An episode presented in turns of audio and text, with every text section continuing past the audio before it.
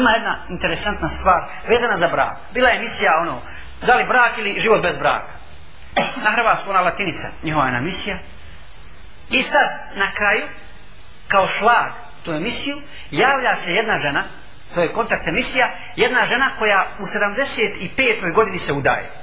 Udaje se za čovjeka koji ima 85 godina obodvoje su visoko obrazovani on je sudija, sudija u Hrvatskoj u penziji je, ali i sad ide na one porote njihove tamo i sad ga paze i čuvaju drže ga njegovog mišljenja, iako je u penziju a ona je završila fakultet još davno nekad bila je modni kreator i tako dalje a prije toga su bulazile ove mlade žene moderne, o tome kako brak ne treba ovako, onako, hele ne se i sad ona priča ona priča svoju priču udajem se kaj četvrti put četvrti put I zadovoljna sam.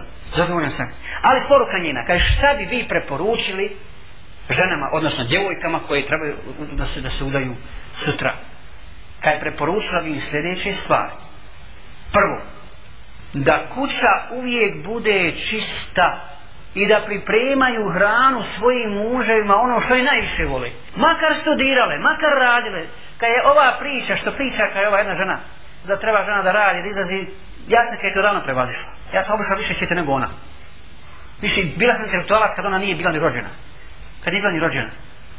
Nemoj se pravljati ima što ti radiš na poslu. Jer muževa kada je na taj način si napraviti. Na taj način će si napraviti. I da sa njim legne u poslu kad ovom godom traži. Čista kuća, hrana i ovo treće. Spomenu. Dakle, su hala kod je čitala hadise, kišanike, zelo je se kada je čitala sunet poslanika sallallahu alaihi wa sallam intelektualac i još kršćanka a?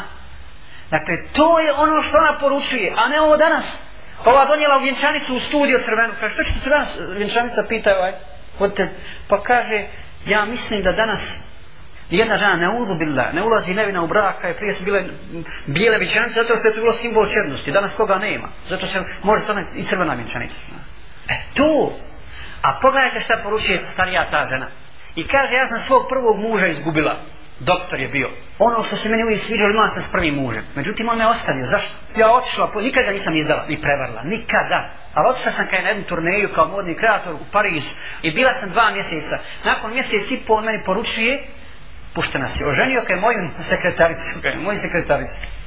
Pa zašto kaj nisam tada shvatila da muž ne može bežaniti dva mjeseca. Nisam shvatila da mu to treba. I napustimo jednostavno. Dakle, to su savjeti žena koje nisu vjernice.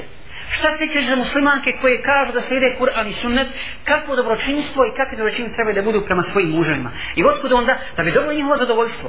I da bi brak bio harmoničan, da bi bilo, da bi bilo sve u redu. Dakle, prema svakome.